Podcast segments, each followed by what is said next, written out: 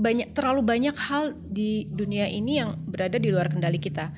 Kita hanya bisa mengendalikan yang bisa kita kendalikan. Dan kita juga tahu bahwa berdoa eh, terhalang apabila tidak ada solawat. Jadi kalau memperbanyak solawat seolah-olah kayak sedang tidak henti-hentinya berdoa gitu. Itu the most healing place The in most the healing world adalah majelis zikir, Majelis zikir. majelis solawat, Salawat, majelis taklim, Majelis manakib. Oke. manakib. Assalamualaikum warahmatullahi wabarakatuh. Alhamdulillah wassalatu wassalamu ala Rasulillah wa ala alihi wa ashabihi wa mawalah amma ba'du. Sobat TK News, apa kabar? Mudah-mudahan kita semuanya dalam keadaan cager, bager lahir batin. Hari ini spesial sekali kita sedang berada di kantor Dayaguna Consulting bersama dengan foundernya langsung. Uni Rima Olivia. Assalamualaikum Uni. Waalaikumsalam warahmatullahi wabarakatuh. Selamat datang di Dayaguna Consulting Ustaz. Alhamdulillah. Terima kasih Uni. Kita sudah disambut, dikasih kebab lagi. Sedang sekali eh, ini apa? mm, Memuliakan orang-orang soleh. Aduh, Jadi amin ya barokah Allah. banget buat amin tempat ya Allah, ini. Amin ya Allah. Kita justru ke sini mau belajar nih Uni. Kan Uni kan seorang psikolog, kemudian juga profesional coach juga, kemudian juga banyak banget nih eh, teman-teman T- eh, TK News kalau ngelihat di sini sertifikat yang sudah Unirima peroleh. Ini dari mana aja Uni? Ini sebenarnya wallpaper Ustaz. Oh. ya itu dari beberapa eh, training sertifikasi yang saya Hmm. perlukan untuk eh, pemberdayaan diri karena fokusnya saya eh, training pengembangan diri, Hmm. kemudian juga eh, segala hal yang terkait dengan soft skills training. Soft skill training. Gitu. Jadi memang mm, diperlukan untuk Hmm. supaya bisa lebih banyak manfaatnya, maka perlu banyak belajar. Ya sih gitu aja. Kalau boleh tahu nih Uni, Ya. apa sih yang ngedorong Uni tuh mau terjun ya ke dunia pengembangan diri gitu? Pertama kalau mungkin karena latar belakang pendidikan. Hmm. Kalau dari awal banget yang lucunya tuh bukan lucu sih. Maksudnya gini, eh, sebagian orang tuh masuk psikologi atau pengen jadi psikolog gara-gara sering diminta bantuan sama orang untuk eh, apa? Curhat. Curhat gitu kan. Curhat. pengen cer- eh, dapat jalan keluar dong, pengen curhat gitu. Saya malah nggak gitu. Saya dulu tidak apa ya mau dibilang pemalu iya juga, tertutup iya juga gitu. Saya nggak punya ketertarikan untuk dan kayaknya nggak banyak juga yang pengen curhat sama saya gitu. Eh, lebih pada tertarik kenapa sih orang begini, kenapa sih orang begitu gitu. Oh, Keingintahuan. menganalisa, Iya. ingin menganalisa. Apa, Iya. Oke. Jadi kayaknya bagi saya tuh misterius banget kok ada sih sebuah pekerjaan yang pekerjaannya tuh menyelesaikan masalah orang lain. Bukankah kita semua punya masalah terus Iya. eh, kok segitunya segitu saktinya bisa membantu menyelesaikan masalah orang lain gitu. Eh, awalnya kayak gitu. Jadi eh, waktu saya udah masuk Fakultas Psikologi dulu Di UI ya? ya itu tuh malah yang eh, teman-teman yang lain ditanya kenapa kok kamu pilih fakultas psikologi ya soalnya saya dulu sering dicurhatin Oh. eh, sangat Karena ingin membantu orang pengalaman iya pribadi. Kalau ini mah enggak ya? enggak saya aduh ini orang mulia-mulia sekali ya kok pengen bantuin orang saya pengen tahu aja Pengen gitu tahu aja. Kepo awalnya berarti ya? Oh, oh. jadi pengen tahu dan eh, setelah lulus justru eh, saya tidak pernah tahu bahwa saya mau akan jadi trainer. Jadi itu barangkali adalah pekerjaan pertama yang ditawarkan. Lucunya nggak nggak eh, kerja apa ya kayak gitu pas lulus. Tapi Oh, Langsung karena ini ya. Eh, iya, jadi ada pertemuan di salah satu guru kami, eh, dosen kami, eh, ada senior saya, terus eh, kamu udah kerja belum? Belum. Oh, ngelamar tempat aku aja gitu. Dan di kepala saya, jadi ternyata kayak apa ya? Dan setelah memahami apa yang saya lamar, oh ya ampun, saya kan pemalu gitu. Saya kan Oh, nggak ini harus tampil depan Iya, orang. jadi nggak terlalu tahu itu apa. Tapi ya udah mungkin kayak gitu jalannya. Dan setelah itu eh semakin jadi kalau tadinya kepo, kalau sekarang kepo dan memang makin Menikmati. iya sangat ingin tahu gimana caranya eh, lebih mengembangkan orang lain. Em, psychology of excellence lah ya mungkin kalau di s- dihubungkan gitu. Karena yang saya minati bukan sekali lagi bukannya orang yang sangat bermasalah yang perlu dibantu. Kayaknya ada teman-teman saya yang lebih jago untuk itu yang ada di ruang yang eh, bisa bantu mereka untuk konseling Iya. Eh, tapi saya lebih pada mungkin kita udah baik-baik aja tapi gimana caranya untuk lebih unggul bisa lebih powerful lagi kemampuannya kayak gitu saya minatnya memang ke arah yang yang udah baik-baik aja sih. Jadi Iya. kayak di kelas gitu kan yang datang bukan yang bermasalah Iya, iya. gitu, tapi memang perlu pengembangan diri. ningkatin potensi diri Iya. orang gitu buat lu banyak juga kan orang yang sebenarnya dia punya potensi bagus gitu tapi nggak tahu nih mau diapain Iya. atau saya potensinya apa ya gitu sampai sekarang kan juga banyak kayaknya deh Eh, iya, Bener sepertinya sepertinya gitu sih. Banyak yang bukan banyak sih. eh, sebagian besar orang mungkin mikir apalagi kalau dia compare ke orang lain gitu ya di sosial media misalnya, kalau dia bisa begini bisa begitu Iya. gitu dan eh, udah keburu gimana sih? Saya jauh sekali dari itu. bahkan gitu. ada cenderung insecure Betul. Ah, Kok ini ini dalam waktu dua hari lagi kita mau bikin satu pelatihan eh, online untuk khusus buat perempuan. Wah. Um, NLP for Women. Jadi gimana turn insecurities into power. Jadi mengubah, insecurity eh, menjadi tenaga gitu, menjadi Oh, bisa daya ya? untuk bisa dong. Kita kan oh em, kita semua sebenarnya dibekali untuk mm, bisa melakukannya gitu tapi kadang-kadang orang tidak menyadari eh, masalah itu sebetulnya ada emas kan dalam masalah iya iya Jadi gimana caranya biar itu bisa kan biasanya kalau insecure tuh biasanya itu ya justru yang terjadi tuh negatif lah. Tapi justru energi ini diarahkan untuk jadi lebih Betul, iya. Positif. mana ada sih orang yang benar-benar secure? Gak ada. Nggak ada semapan apa pun kelihatannya dari luar ya kepribadiannya sepercaya dari pe- sepercaya ap- diri apa pun dia gitu. Pasti ada momen di mana dia tidak nyaman dengan dirinya juga tidak merasa aman dengan berarti kemampuannya itu normal? Sangat normal. Oh sangat normal. Cuma ada sebagian orang yang kayaknya agak kebanyakan gitu ya remnya tuh eh, terlalu pakem sehingga eh, nggak tahu gimana caranya supaya dia bisa ngegas gitu.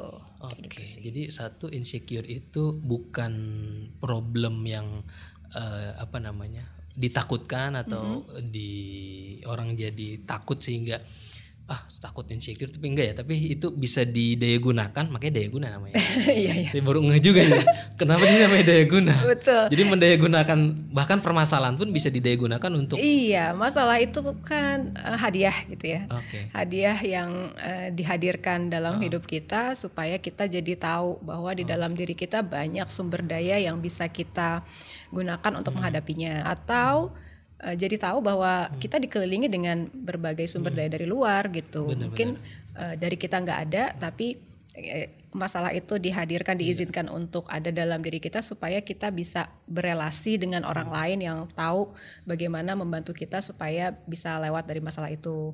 Atau eh, memikirkan bahwa saya bukan satu-satunya orang yang punya masalah ini ada orang lain di luar sana yang juga bisa.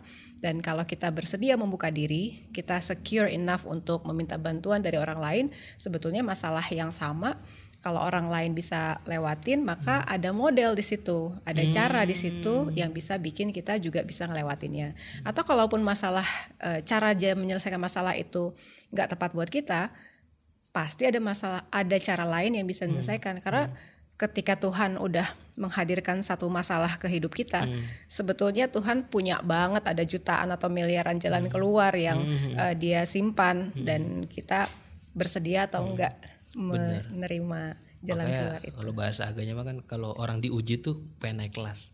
Ah. betul Eh, saya ini penasaran nih. Di minggu lalu itu kan kita tahun baru Islam. Hmm. Tema-tema yang berada di kaum muslimin ini tentang produktivitas ini selalu menemui kendala nih, Uni. Salah satu kendalanya itu kan di mana kendala keluarga, kendala di lingkungan kerja, kendala di lingkungan sosial. Nah, Uni sebagai seorang psikolog, bagaimana meng, apa ya, mengatasi kendala-kendala yang yang yang terjadi gitu ya di di di mungkin klien Uni mulai dari kendala pribadi, kemudian kendala keluarga, kendala eh, di lingkungan kerja supaya bisa tetap produktif. Iya. Em, pertama mungkin kita sepakati dulu apa itu produktif. Oke.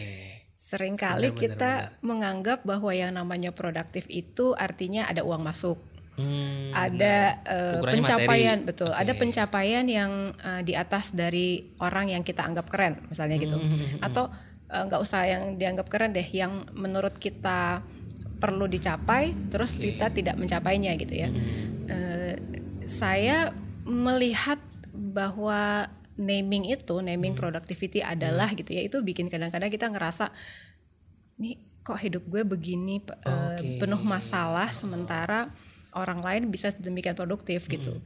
Kita mungkin lupa bahwa misalnya yang hadir di sekitar kita bahwa itu adalah keluarga atau rekan-rekan kita atau kehidupan kita yang tidak mudah ketika kita mengatasinya, ketika kita bersedia untuk menampung itu atau em, misalnya gini saya nggak bisa se seberhasil dia seberprestasi dia karena punya masalah keluarga gitu. Bahwa kita bisa mengatasi atau jadi manfaat buat keluarga kita bahwa kita membantu dan mendampingi keluarga kita itu juga sebuah productivity sebetulnya. Oke. karena kalau kita lihat em, bagaimana misalnya masalah yang ada di keluarga kita juga diselesaikan bukankah itu sebetulnya eh, salah satu purpose gitu. Kenapa kita dikasih em, masalah keluarga? Iya. dan kalau kita atasi sebetulnya itu memang reason kita ada di tempat itu saat Iya. itu gitu. Jadi bukan itu produktif juga gitu. Tapi mungkin namanya tidak dikenal banyak orang. Tapi untuk yang ada di sana misalnya adik kita atau Jadi anak kita pahlawan. iya kita yang yang membantunya keluar dari hal itu dan itu sudah sangat produktif sebagai, Betul, sebagai betul. manusia gitu Betul. maka eh, mungkin untuk saat tertentu dia tidak berprestasi di tempat kerjanya, Hmm. tapi pada saat yang sama dia sudah berhasil membuat orang yang eh, sangat kesulitan keluar Hmm. dari masalahnya itu sebuah prestasi. Mungkin dia tidak ber ber, eh, apa, berprestasi dalam di antara ribuan karyawan lainnya, Hmm. tapi kalau dia bisa mengatasi masalah dia sebagai seorang kakak atau sebagai seorang adik ipar keluarga, atau kepala keluarga itu s- bagi saya satu nyawa sama artinya dengan seluruh Seluruh manusia. manusia. Jadi meaningnya itu. Iya, jadi nggak apa-apa banget dan kayaknya pandemi ini sudah membuktikan ke kita gitu ya bahwa eh, tidak berprestasi di satu hal dalam tanda kutip bukan berarti kehidupan habis sama sekali. Justru ada arena untuk bermanfaat, arena untuk lebih bisa bawa dampak kepada orang lain di tempat yang lain gitu. Jadi jangan mengukur keberhasilan atau produktivitas orang lain dengan ruang produktivitas kita. Betul, kita kan kita mungkin dalam satu momen adalah eh, karyawan atau pekerja gitu. Tapi kita kan tidak pernah tidak pernah lepas menjadi anak dari seseorang. Benar. Menjadi ayah dari atau ibu dari Iya. seseorang gitu. Justru itu yang melekat sama kita gitu. Itu juga bentuk productivity yang yang perlu kita terima. Betul. Dan jangan pernah mengabaikan. Betul, karena biasanya yang saya lihat ya ketika misalnya dia berhasil mengatasi masalah internalnya gitu. Kemudian jadi lebih produktif kok. Nextnya ketika teratasi di tempat kerja jadi lebih produktif. Atau ada juga yang belakangan ini karena misalnya WFH jadi kerjanya dari rumah gitu ya. Em, mungkin awalnya struggling, perlu memisahkan mengelola gimana eh, urusan kantor dengan urusan kerjaan. Tapi ketika itu udah dapat polanya, justru keluarga menjadi daya dorong yang sangat da- dan support yang luar biasa Support untuk tetap ya, bisa berprestasi di tempat kerja gitu. Nih, kalau mau diselesaikan nih Uni antara problem pribadi, problem keluarga sama problem di tempat kerja tuh yang mana dulu biasanya? Atau bareng-bareng atau gimana tuh? Iya, ini jawaban yang seperti apa ini? eh, Atau pertanyaan salah ya? agak tricky ya. Saya selalu menganggap ini baru belakangan ini sih saya eh, mendapatkan eh, titik pemahaman ini. Pada dasarnya kita kan tidak tidak berdaya, kita tidak mampu apa-apa. Eh, kalau memang yang pertama kali yang datang adalah masalah di tempat kerja, ya itu yang tanggung jawab yang kita, kita selesaikan. Kalau kemudian itu eh, yang paling dulu adalah masalah pribadi, nggak bisa dipilih sih sebenarnya kita nggak bisa punya kemewahan. Saya nggak akan ngurusin masalah keluarga dulu karena eh, saat ini mm, Fokus kerja. kerja sedang sangat membutuhkan saya gitu. Eh, jarang lah kita bisa kayak gitu. Kalau makin ke pandemi kayak gini, udah makin blend kan dia. Eh, pada akhirnya kita banyak terlalu banyak hal di dunia ini yang berada di luar kendali kita. Kita hanya bisa mengendalikan yang bisa kita kendalikan gitu. Oke, kita hanya bisa mengendalikan yang bisa kita Betul. kendalikan. Oke. Jadi masalah terselesaikan atau selamat lah gitu ya. Itu eh, tak lain tak bukan hanya pemberian Tuhan aja kalau Hmm. pemberian Tuhan aja menurut saya. Karena kalau mau dipikir-pikir em, apa? Yang yang bisa kita lakukan itu ya, sebatas yang yang memang kita dimampukan gitu. Hmm. Eh, banyak orang yang tidak nyaman dengan dengan sudut pandang itu, Iya. tapi justru itu barangkali yang cara yang paling mudah yang bisa kita terima ketika menyadari bahwa ketika segala sesuatu berada di luar kendali saya, berarti itu berada dalam kendali Tuhan. Hmm. Paham nggak sih mas? Iya. Eh, kalau Ustadz eh, perhatikan berarti yang bisa kita lakukan sangat sedikit, Iya. tapi kalau segala hal yang sudah di luar kendali saya, maka Jantung kita aja bukan kendali kita. tuh berapa kali ngedip aja dari sepanjang kita podcast ini kita nggak bisa ngitung kan? bisa. seberapa cepat kita mengalirkan darah ke seluruh tubuh kita nggak tahu. Jadi em, setidak mampu itu kita tapi justru ketika semakin bersandar gitu kepada sang maha memberi kekuatan jadinya nanti akan akan tahu kok kita jadi tergerak atau tergiring ke yang memang saat itu eh, paling utama gitu Makanya kenapa ketika melakukan sesuatu kita baca bismillah. Benar. Wah, ya. bukan bukan karena saya gitu ya tapi atas nama Allah Atas gitu nama milihnya Wah luar biasa nih. Oke, eh, yang saya ingin tanyakan nih, Uni di dalam Islam itu kan ketika orang ingin apa namanya mengenal Tuhannya dengan lebih baik, dia harus mengenal dirinya. Nah, dalam sudut pandang psikologi itu ada nggak keterkaitan antara eh, mengenal diri dengan mengenal Tuhan?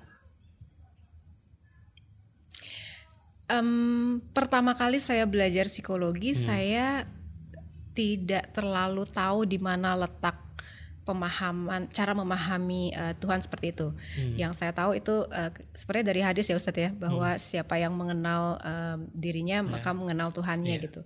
Waktu saya pertama kali belajar dengan em, tiga aliran besar di psikologi, eh, psikoanalisa, behavioristik, kemudian juga aliran ketiga humanistik, itu sepertinya hmm, kok nggak ketemu nih? Nggak nggak ketemu eh, pemahaman yang ke arah sana gitu. Dan setelah saya lulus kuliah justru ketika kekepoan saya rasa ingin tahu saya jadi Belum lebih puas besar berarti di kampus. eh ya barangkali karena pemahaman saya baru sampai pada titik itu gitu ya barangkali sayanya aja yang kurang nyari waktu masih kuliah. Tapi setelah lulus mungkin jadi lebih punya waktu untuk belajar yang saya mau lebih ngulik ke yang menjadi minat saya jadinya eh, lebih terpapar lebih terpapar terekspos pada eh, pemahaman yang lebih baik tentang apa yang saya pahami tentang diri saya dan Tuhan saya gitu. Barangkali jadinya malah ketemunya setelah belajar hmm, belajar eh, yang disebut dengan psikologi Islam gitu dan berbarengan dengan itu juga jadi eh, belajar tasawuf gitu ya mengenal oke. itu apa gitu. Ini sebenarnya ketemu nggak sih konsep antara em, tasawuf sama psikologi gitu. Oke. Eh, makin ke sini saya pikir ya ketemu banget lah gitu Ketemu banget. banget Eh, tapi tidak mudah karena itu sepertinya jadi eh, belajar sambil berjalan gitu ya menjalaninya sambil mempelajarinya. Walaupun sampai titik ini saya juga merasa itu sebatas yang saya paham aja. Jadi saya belum bisa mengungkap secara apa ya dengan stru- terstruktur dan dan baik dan benar Iya. bagaimana yang kalau Ustadz bilang tadi eh, struktur manusia menurut eh, Islam misalnya gitu. Itu em, saya pikir lebih banyak ahli yang bisa menjelaskan itu. Saya sebatas melihat bahwa oh ini maksudnya yang bisa saya pahami aja gitu. Karena kalau di psikologi yang saya lebih temukan lebih pada behavioral science-nya adapun tentang soul tentang mm, jiwa ruhaninya manusia mungkin akan lebih banyak dikupas di eh, psikologi Islam gitu itu yang bikin saya jadi merasa ya sebenarnya eh, sangat sedikit yang kita ketahui tentang manusia eh, sebanyak apa pun teorinya tapi uh, sangat terbatas yang bisa kita pahami gitu. Jadi kalau di psikologi yang barat itu kulitnya, mm-hmm. kalau di psikologi apa di psikologi Islam ini unik ketemu sampai ke apa daging dalamnya gitu ya. Bisa dibilang gitu gak sih? Mudah-mudahan begitu ya, karena ternyata juga kalau kita bicara uh, ego misalnya oh. di konsep psikologi oh. dengan uh, ego yang dibicarakan secara um, manusia biasa, hmm. ma apa ma masyarakat pada umumnya itu sudah berbeda gitu. Hmm. Lalu ya misalnya konsep nafsu antara hmm. nafsu dan nafs misalnya yeah. itu juga jadinya uh, tidak sama gitu ya. hmm. ya. Uh, pada akhirnya perlu perlu sama-sama ngecek juga gitu. Lagi lagi bicara diri yang mana hmm, nih hmm. Uh, yang disebut ego tuh apa hmm. misalnya. Satu hal kalau kadang-kadang kita suka bilang kill the ego misalnya gitu ya. Oh, okay. uh, jangan pakai ego dong gitu. Oh, gimana caranya nggak pakai ego? Hmm. karena ego itu yang bikin kita jadi ada kan. Benar. kita nggak bisa membunuh ego karena ego adalah bagian dari diri kita hmm. gitu. Yang bisa kita lakukan adalah mengendalikannya. Mengelola, betul. Oke jadi di situ pentingnya kenapa kita mesti mengenal diri. uh, tadi saya menarik tuh uh, ucapan Unerima ketika membahas manusia itu harus menyerahkan diri di awal. Ketika kita ingin melakukan sesuatu, sadari bahwa kita ini lemah. Ya. Nah, Uni pernah nggak menghadapi klien gitu ya? Kemudian klien ini justru dia ini uh, punya kecenderungan untuk selalu merasa eh gue bisa loh gue kuat kan banyak tuh training-training motivasi saya juga nggak ngerti yo saya bisa saya kuat saya itu itu sebenarnya apa ya kontradiktif gak sih Iya, mungkin ada masanya perlu diberi motivasi kayak gitu, oh, gitu. tapi ada masanya juga kita perlu menyadari bahwa hmm, kayak gini aja ya. Ada hmm. yang uh, mungkin Ustadz pernah dengar juga kalau uh, quote motivasi itu bilangnya hmm jangan minta jalan yang mudah tapi mintalah bahu yang kuat oh, gitu iya, kan ya. Benar, benar. Terus saya pikir gila masalah gue udah berat banget mau diminta sekuat apa lagi bahunya gitu ya. Lalu saya juga mikir lagi manusia itu kan sedemikian lemah. Angkuh sekali dia bilang kalau dia bilang dia minta bahu minta bang kuat, mau mau kuat kayak gimana lagi ya nggak ada lain uh, selain bersandar ke maha kuat bagi saya hmm. gitu ya. Um, pada akhirnya um, mungkin itu yang disebut dengan uh, jalan menuju tawakal kali ya. Barangkali memang ada ada cara Tuhan untuk memperkenalkan dia dikasih hmm. dalam tanda kutip sombong dulu merasa oh, kuat gitu ya tapi pada akhirnya ketika dijalanin um, wah gue nyerah deh gitu nah justru pada saat letting go itu okay. pada saat dia menyerah hmm. maka kekuatannya hadir kalau kita sudah tahu hmm. itu ya lebih baik kan dari awal aja menyerah dulu benar, ya enggak jadi kenapa harus berdarah-darah dulu baru kemudian menyerah Uh, lebih baik dari awal kita tahu dengan segala ketidakberdayaan kita, dengan segala ketidakmampuan kita, hmm. kita justru minta digiring, hmm. dimampukan hmm. dan diarahkan menuju yang uh, Tuhan mau gitu. Hmm. Daripada kita uh, kayak merasa kuat dulu, oh. lalu akhirnya jatuh juga gitu ya. Baru ngerasa. Iya. Oh, ini ini menarik nih. Ini salah satu buku Uni judulnya Solawat untuk Jiwa. Iya. Self healing. Alhamdulillah. Kenapa Uni nulis buku ini? um, saya lupa itu kayak 2015. 2015 ya? Uh, ya satu tahun sebelumnya atau dua tahun sebelumnya saya uh, ikut komunitas namanya Sahabat Solawat. Hmm. Uh, salah satu uh, yang saya terkesan dari komunitas itu adalah guru saya suka bilang uh, ya udah salawat aja. Jadi kalau oh. apa pun masalahnya gitu ya, salawat aja. Salawat aja. Hmm. Terus saya mikir saya kan psikolog ya nggak cukup lagi kalau cuma salawat aja gitu saya tahu masalahnya sudah sedemikian rumit uh, apakah iya Apa salawat bisa menyelesaikan betul okay. um, kok begitu gitu jawabannya uh. saya pikir itu oversimplifikasi gitu uh, lalu karena ya udah diikutin aja gitu ya hmm. sholawat aja gitu pada akhirnya ya juga ya apa pun karena yang juga jelek buat saya adalah hmm. salah satu hadis yang mengatakan bahwa uh, doa kita hmm. mengawang-awang di langit yeah. apabila tidak dibacakan sholawat yeah. wow selama ini doa berarti ngawang Ngambang. semua dong ya Terus Passwordnya. betul. Eh, lalu saya eh, bilang sama guru saya itu bahwa saya mau nulis eh, buku tentang waktu itu memang tentang konsep pemberdayaan diri. Lalu beliau bilang kenapa nggak tulis yang belum pernah ada? Ditulis banyak orang. Apa itu Ustadz? Psikologi solawat gitu. Karena beliau tahu saya so- psikolog. Lalu saya bilang, saya nggak tahu apa-apa tentang solawat saya bilang gitu. Dan saya juga nggak tahu apa-apa tentang eh, psikologi dari solawat gitu. Ya makanya ditulis mbak katanya. Oh. Ya sudah jadi saya berangkat dengan niat belajar menjelajahi eh, seperti apa solawat bisa berdampak pada diri manusia seperti apa solawat sebetulnya. Pada akhirnya saya melihat bahwa percakapan antara eh, sahabat Ubay bin Kaab dengan Rasulullah itu bahwa ketika sahabat Ubay nanya "Eh, seberapa banyak saya perlu bersolawat seperempat boleh nggak? Hmm, boleh tapi lebih banyak lebih baik. Kalau gitu setengah boleh tapi lebih banyak lebih baik. Kalau gitu hmm, empat per lima. Lebih banyak lebih baik gitu. Kalau gitu seluruh waktu berdoa saya saya gunakan untuk bersolawat Rasulullah.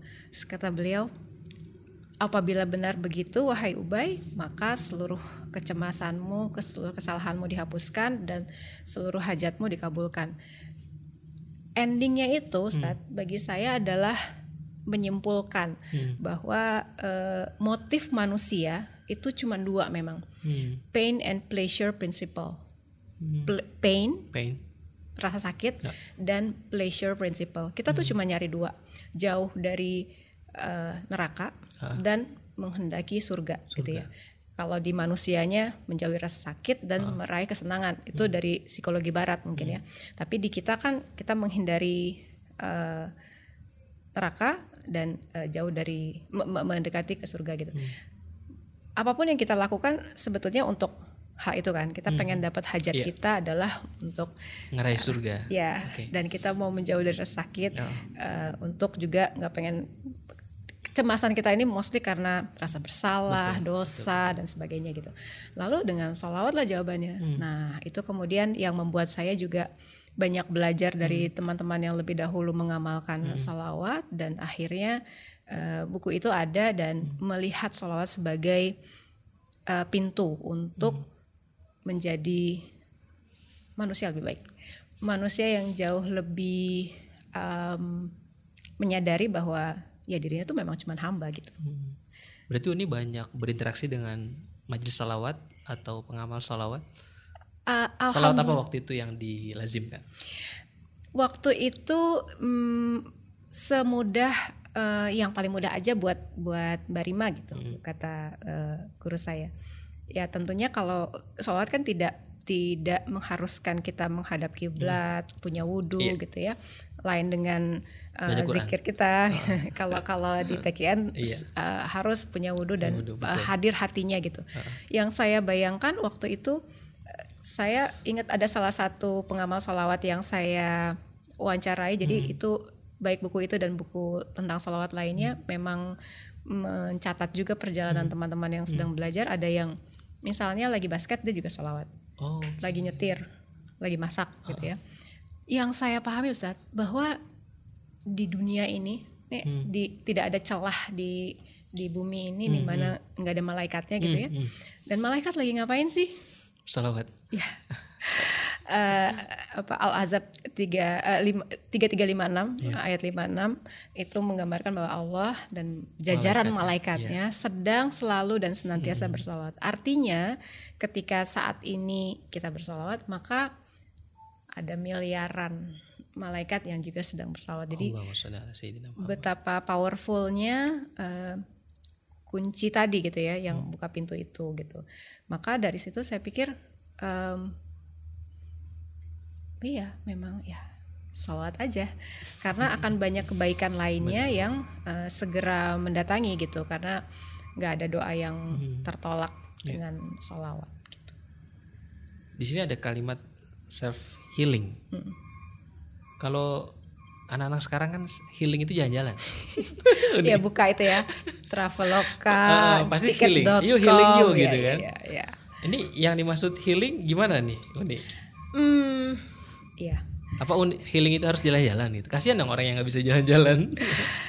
Justru eh, kalau kita balik lagi ke hadis antara sahabat Ubay dengan Rasulullah tadi, kita jadi tahu bahwa bayangin semua kecemasan, semua gelisah, semua hajat dipenuhi, semua ke- kehilang kesusahan dihilangkan, itu kan healing banget ya. Bener, bener, bener. Apalagi gitu. Tujuannya kan itu sebenarnya. Betul. Eh, ketika kita menyadari ada yang sakit baik lahir maupun batin gitu ya, maka satu hal berarti kita sedang diminta untuk lebih mendekat kepada Sang Maha Penyembuh Iya. gitu. Dan berarti itu kan berdoa. Dan kita juga tahu bahwa berdoa eh, terhalang apabila tidak ada sholawat. Jadi kalau memperbanyak sholawat i- seolah-olah kayak sedang tidak henti-hentinya berdoa gitu. Dan yang juga eh, unik dari konsep eh, bukan konsep ya redaksi sholawat kan sebetulnya kita tidak sedang bersolawat tapi kita meminta Allah untuk bersolawat dan kita tahu bahwa Allah maha penyembuh Iya. sakit apa yang tidak mampu disembuhkan oleh sang maha penyembuh sendiri gitu Iya. karena tentu itu atas izinnya juga eh, sakit kita gitu. Yang saya kemudian alami ini bertahap ya Ustadz karena dari awal sebetulnya saya bukan bukan yang suka datang ke majelis salawat gitu. Saya nggak tahu salawatan itu ngapain Oh. maulidan itu ngapain. Mohon maaf nih saya dulu SMP dan SMA-nya bukan di sekolah Islam atau di sekolah negeri gitu. Nggak nggak cukup banyak ilmu tentang hal itu gitu. Eh, saya cuma tahu kalau majelis taklim itu kosidahan gitu iya. ya. Salawatan. Iya, selawatan.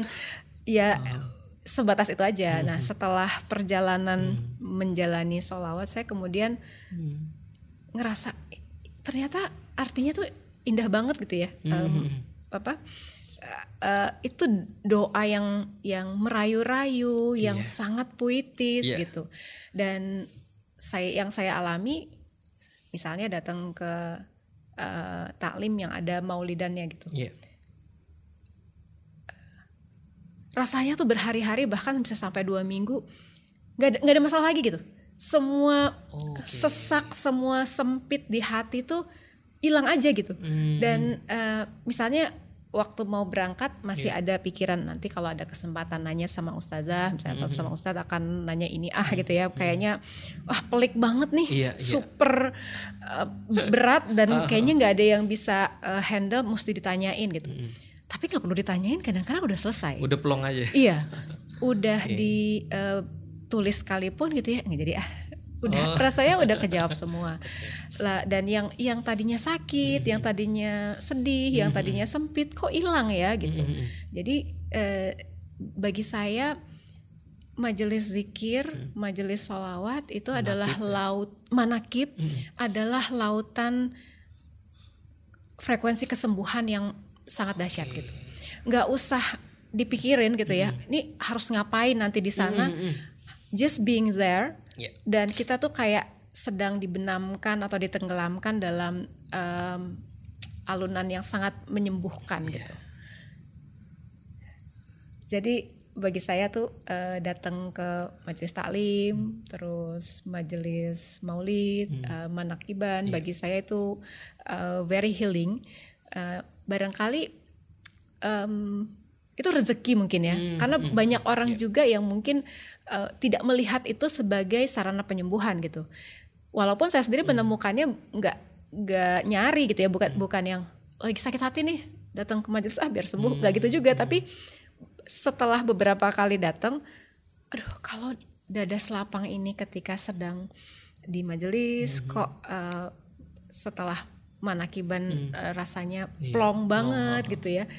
Eh, ternyata healing tuh nggak perlu jauh-jauh loh. Ternyata di eh, apa taman surga terdekat Betul. ya kan.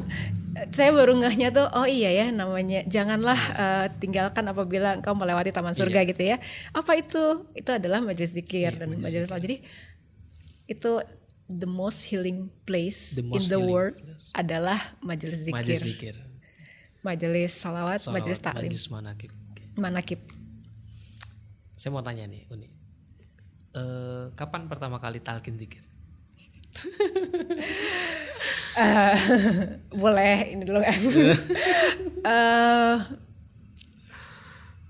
saya persisnya bahkan lupa tahunnya kecuali saya ingat ulang tahun anak saya. Anak saya lahir tahun 2006, anak saya yang kedua. Hmm. 2006 berarti sekitar 2005. Hmm.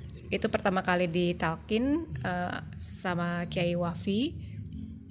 Waktu itu um, Abah Ano masih hidup. Yeah. Tapi saya belum berkesempatan untuk ketemu sama beliau. Hmm. Jadi ketemunya sama Kiai Wafi. 2005 berarti sekitar 17 tahun. Masya Allah Masya iya ya. Baru sadar. Allah Sayyidina Muhammad.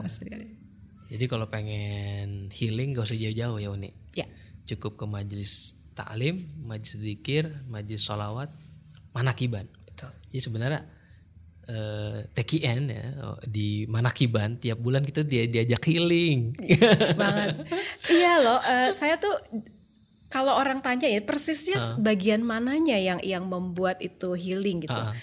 Um, saya waktu lagi baca-baca uh, isinya manakiban gitu mm -hmm. ya itu kan nasihat lah yeah. nasihat ya kadang-kadang bisa masuk mm -hmm. kalau enggak kalau hati lagi keras yeah. gitu kan lagi ketutup banget mm -hmm. lagi sempit banget gitu tapi kalau kita menyadari saat kita mengirim mm -hmm. al-fatihah yeah. kepada para kekasihnya mm -hmm kita tahu bahwa saat itu berarti kita sedang mengirim doa kan kepada beliau-beliau mm -hmm. gitu dan beliau-beliau tentu tidak sama dengan kita yeah. kalau kita misalnya misalnya nih um, Ustadz datang ke sini bawa makanan gitu ya saya yeah. sebisa mungkin aduh harus Ustadz juga pas pulang dikasih balas makanan gitu yeah, atau, yeah. atau ada uh, hal yang yang lebih baik gitu mm. kan disarankan seperti itu tapi beliau bukan orang-orang biasa. Yeah. Beliau adalah orang-orang yang ketika diberikan sesuatu yang baik membalas dengan yang jauh lebih baik. Yeah.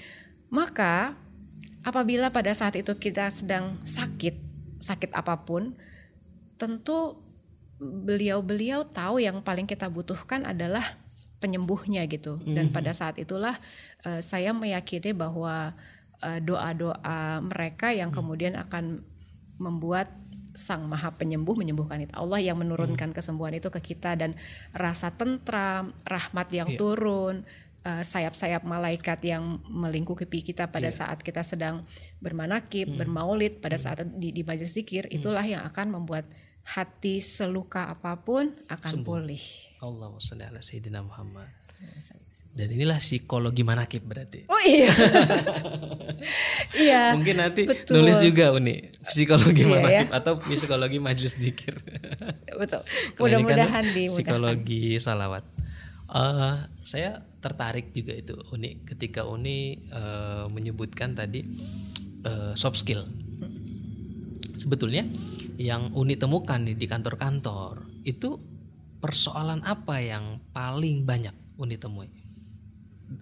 terkait soft skill ya terkait soft skills hmm, kalau yang belakangan ini oh. uh, muncul itu banyak yang ngerasa burn out Uh, ini bukan soft lagi ya sebenarnya udah udah berat kalau udah masuk ke wilayah burnout karena uh, dua tahun belakangan hmm. isu yang ada di um, apa company dan corporate pada umumnya itu adalah um, mereka tidak tahan dengan overloadnya pekerjaan hmm. kemudian juga di beberapa kantor kan terpaksa melakukan yeah. layoff sehingga yang tertinggal lah yang perlu yeah. bekerja sangat keras untuk uh, tetap bisa survive gitu mau resign nanti nggak punya penghasilan hmm. tapi kalau bertahan juga rasanya berat sekali yeah. untuk dipenuhi gitu ya um, sebetulnya apa pun masalahnya gitu hmm. ya apa pun yang sebenarnya sedang dialami uh, saya ngelihat orang-orang yang kemudian tanpa mereka sengaja mungkin tapi jadi menemukan jalan keluarnya hmm. kayak